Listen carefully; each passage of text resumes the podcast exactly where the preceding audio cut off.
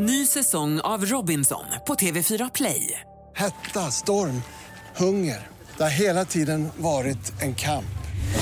Nu är det blod och tårar. Fan händer just nu. Det. är Detta är inte okej. Robinson 2024, nu fucking kör vi! Streama söndag på TV4 Play. Hallå där, det är jag som är Lotta Bromé och det här är ett inslag från Halv tre med Lotta Bromé på Mix Megapol. Hörrni, samtalen till den nationella mansjouren ökade med 300 procent nu i sommar jämfört med samma tid förra året. Peter Svanborg är ordförande och volontär på Mansjouren Stockholm. Välkommen hit! Tack så mycket. Varför tror du att det har ökat så dramatiskt? Vi har ju funderat på det här och eh, har väl inget eh, konkret så här svar annat än vad vi kan, kan gissa oss till. Och det är väl tre saker som kan vara anledningen och den ena anledningen är ju eh, effekten av pandemin. Och eh, där man eh, har umgåtts helt enkelt mera hemma. Och det som inte funkar, det som är destruktivt i relationen har blivit mer tydligt då. Och det är också en av de sakerna man ringer om mycket, att, relationer, att relationen håller på att gå sönder och man är förtvivlad. Mm. Den andra anledningen tror jag till att det rings mer idag, det är nog att eh, det är inte lika tabu längre för män att be om support när det krisar. Män har alltid haft lite svårare att sträcka ut en hand. Det har Mm. sett som en svaghet och, och, och så, vilket det inte är, utan tvärtom.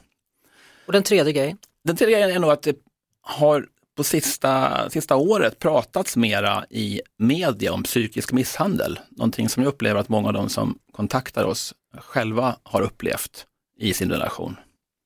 Alltså, vem är den genomsnittliga mannen som hör av sig?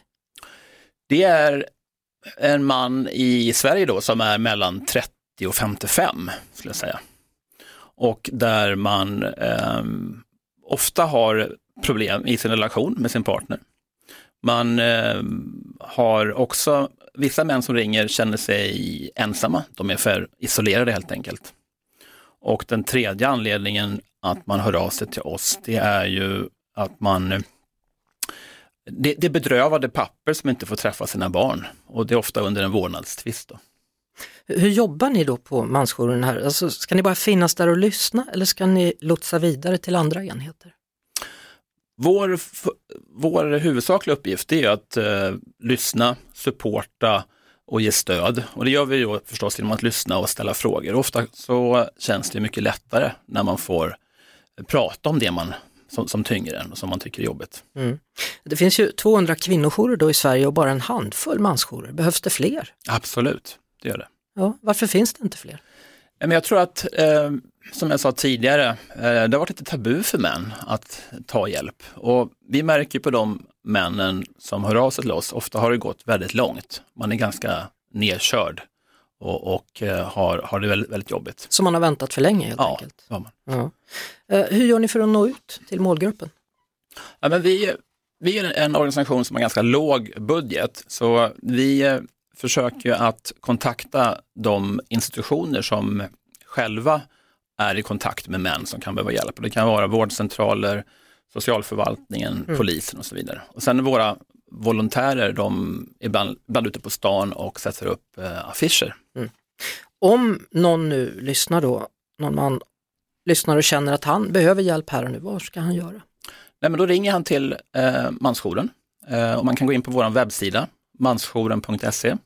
Och vi har en telefonlinje man når våra volontärer på mellan 12 och 14 dagtid och mellan klockan 18 och 20 kvällstid. Har du något nummer? Eh, 08 30 30 20 Och då kan man alltså ringa från hela Sverige. från hela Sverige. Och då är det någon av våra volontärer som tar emot samtalet. Tack så mycket Peter Svanborg, ordförande och volontär på Mansjouren Stockholm. Ja. Vi hörs såklart på Mix Megapol varje eftermiddag vid halv tre. Ett poddtips från Podplay. I fallen jag aldrig glömmer djupdyker Hasse Aro i arbetet bakom några av Sveriges mest uppseendeväckande brottsutredningar.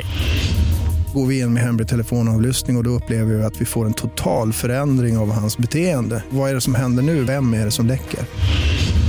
Och så säger han att jag är kriminell, jag har varit kriminell i hela mitt liv men att mörda ett barn, där går min gräns. Nya säsongen av Fallen jag aldrig glömmer på Podplay.